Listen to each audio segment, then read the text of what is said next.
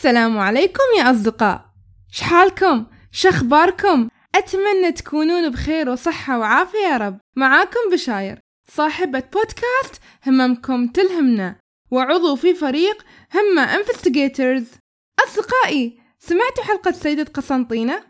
بصراحة اللي ما سمع الحلقة طافته كثير من الأحداث والقصص المشوقة عن البطلة نادية مجمج عقب ما بثينا التشويقية الثانية للحلقة الثانية وصلتني كثير من التساؤلات من هي أميرة المضرب؟ ومن تكون؟ ومن أي بلد؟ وهل هي حقيقة أميرة خيالية أم أميرة حقيقية؟ حابة أبشركم إنها أميرة حقيقية من بلاد الرافدين العراق العريقة تعرفون إن الضيفة هي اللي اختارت المؤثرات الصوتية لهالحلقة وخلتني جد أسعد وأستانس يوم أشوف الضيف يتفاعل معاي في تسجيل الحلقة وإنتاجها. ما بطول عليكم. خلونا نتعرف على أميرة المضرب اللي هي نجلة عماد من العراق. لا تعاندون لو لعب. التعب ما يعرف تعب. بركان نازل وغضب. هذا العراقي. هذا العراقي. وهذا العراقي. الأغنية المفضلة للاعبة نجلة عماد. خلونا نبدأ حوارنا بالسؤال المعتاد. من هي نجلة عماد في أسطر؟ السلام عليكم. شلون ست بشاير؟ إن شاء الله تكونين بخير. أني نجلة عماد من العراق تحديدا من محافظة ديالى عمري 17 سنة. لاعبة منتخب وطني لكرة الطاولة لذوي الاحتياجات الخاصة. متأهلة إلى أولمبياد طوكيو كأصغر لاعبة بالعالم وبعمر 16 سنة. وبطلة آسيا وأيضا طالبة سادس أدبي. وشو سبب إعاقة نجلة عماد؟ سبب إعاقتي 2008 19 4 كان عمري ثلاث سنوات. تعرضت إلى انفجار إرهابي بسيارة والدي.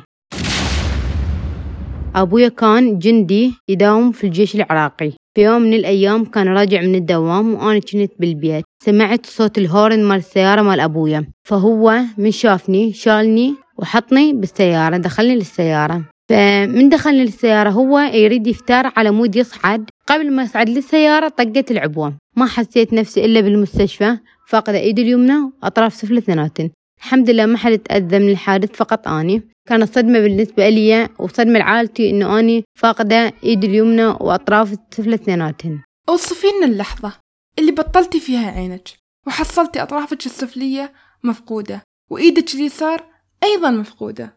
شو كان شعورك وقتها؟ طبعا آه، شلون تلقيت خبر آه، فقدان إيدي ورجلي؟ طبعا أنا كنت قبلها بيوم ألعب ويا صديقاتي وأركض وياهم وثاني يوم أقعد الصبح آه، تروح إيدي وتروح رجلي. فكانت صدمة بالنسبة لي فتحت عيني بالمستشفى ماكو إيدي ماكو رجلي. كنت دائما يعني أسأل أمي يما ليش أنا ما عندي إيد؟ ليش ما عندي رجل؟ وين راحن؟ أنا مو البارحة كنت أمشي وأركض بيهن. فكانت أمي دائما تقول لي إنه إيدك ورجلك يم رب العالمين. من تكبرين رب العالمين راح يعوضك وراح يرجعك اياهن من تكبرين صح أخذ من عندي أطرافي لكن عوضني بهواي أشياء. عوضني بأرادة وعوضني بقوة وعوضني بهيج عائلة دعمتني ومساندتني. كيف كان تعامل الأهل والأصدقاء بعد الحادث مع نجلة عماد؟ طبعا الحمد لله أهلي قبل الحادث وبعد الحادث آه يعني أبدا ما حسسوني بيوم من الأيام إنه أنا معاقة وفاقدة أطرافي. أما الأصدقاء طبعا يعني أنا بالبداية شوي عانيت تنمر آه من قبل الطلاب اللي بالمدرسة ودائما كنت أسمع كلام سلبي. لكن أهلي آه مرور الوقت أهلي دائما يقولوا لي إنه أبدا لا تهتمين للكلام السلبي. من بعد ما دخلت للرياضة يعني تغيرت نفسيتي كل شيء هواية. من شفت الأشخاص اللي من ذوي الاحتياجات الخاصة ما مهتمين للكلام السلبي. ودائما أقول بيني وبين نفسي إنه هذا الكلام مجرد إنه يردون يحطمون الشخص. خبرينا كيف دخلتي إلى عالم الرياضة؟ وكيف اكتشفتي لعبة كرة الطاولة؟ بداية دخولي لعالم الرياضة كان عمري عشر سنوات. قبل ما يكون عمري عشر سنوات أنا كنت أشاهد فيديوهات على اليوتيوب أشوف أشخاص من ذوي الاحتياجات الخاصة يلعبون رياضات مختلفة. فأنا أكثر شي حبيته هي المنظرة. فبوقتها قلت لأبوي إنه يجيب لي مضرب وكرة. فقمت ألعب أنا على الحائط. بعد تقريبا شهرين أو ثلاثة أشهر أجى مدرب علي من يعني من ديالى مدرب منتخب طبعا اجاه صدفة وشرح لي على لعبة المنضدة وحببني وشجعني عليها خطوة بخطوة. الحمد لله كانوا أهلي أبدا ما معارضين وبالعكس كانوا كلش فرحانين وداعميني بهاي الفكرة. الحمد لله دخلت آه، العالم الرياضة بعمر عشر سنوات. اتمرنت عند المدرب ست أشهر متواصلة. طبعا أنا كنت أتمرن على الكرسي. تمرنت عند المدرب ست أشهر متواصلة أتمرن بالنادي بالمنظرة وأتمرن بالبيت على الحائط لأن ما كانت عندي منظرة. بعد الست أشهر كانت أكو بطولة بالعاصمة بغداد شاركت بها كل المحافظات اللي بالعراق وكنت أنا أصغر لاعبة بيناتهم. الحمد لله آه لعبت لاعبات دوليات عمرهن فوق ال 25 سنة. آه خبرتي الرياضية آه تعادل عمر الكلي اللي هو عشر سنوات. وأنا كنت أول مشاركة لي. الحمد لله قدرت أفوز عليهن وحصلت على المركز الأول. بوقتها شافني رئيس اللجنة ورئيس الاتحاد والمدربين والحمد لله بنفس اللحظة صعدت منتخب وطني. وقت أهلي كلش فرحة وإنه أني قدرت أحصل المركز الأول بأول مشاركة إلي فكانت من أحلى اللحظات اللي صارت إلي شو هي نقطة التحول في عالم الرياضة في حياة نجلة عماد؟ نقطة تحولي من فئة الجلوس إلى فئة الوقوف. آه الحمد لله أني بعد ما صعدت منتخب وطني كنت ألعب على على الكرسي كنت آه فئة أربعة.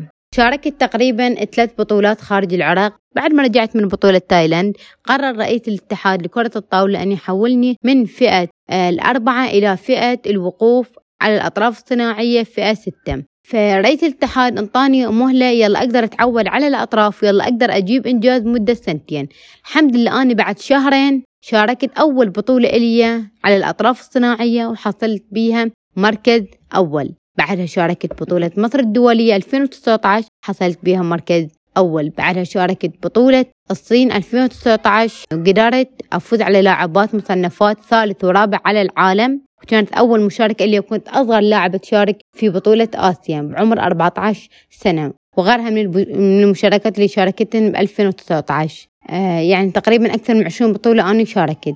وكنت كل ما أشارك أجيب مركز كان يصعد آه ترتيبي. الحمد لله قدرت أتأهل لأولمبياد طوكيو كأصغر لاعبة بالعالم وبعمر 16 سنة.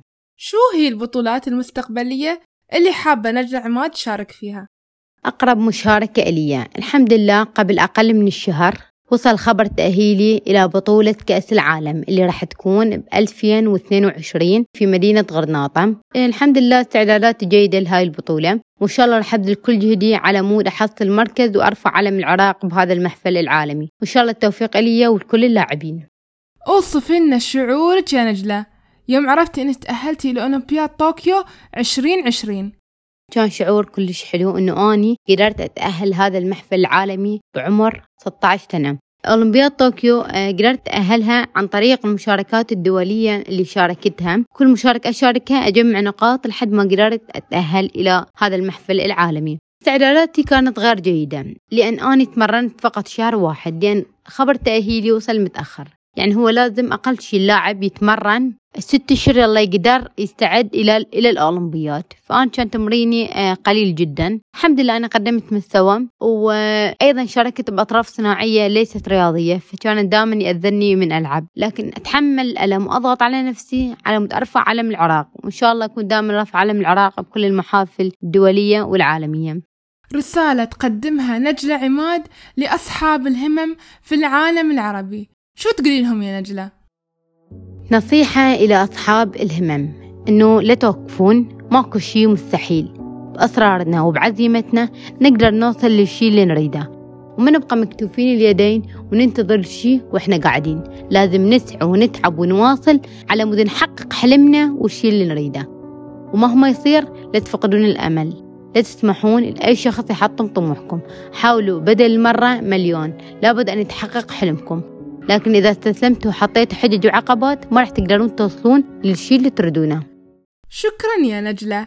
على النصائح الذهبية اللي قدمتيها لأصحاب الهمم في العالم العربي. باسمي وباسم فريق همة انفستيجيترز نشكرك على مشاركة قصتك الملهمة في بودكاست هممكم تلهمنا للموسم الثاني. أصدقائي عجبتكم الحلقة مثل ما عجبتني صح؟ اكتبوا تعليقاتكم على صفحتنا في الإنستغرام. صفحة فريق همة Investigators في بوست أميرة المضرب. أشوفكم قريبا. مع شخص ملهم وقصة ملهمة من عالمنا العربي المليء بالقصص والإنجازات. مع السلامة وفي حفظ الله ورعايته. كانت معكم بشاير من بودكاست هممكم تلهمنا للموسم الثاني.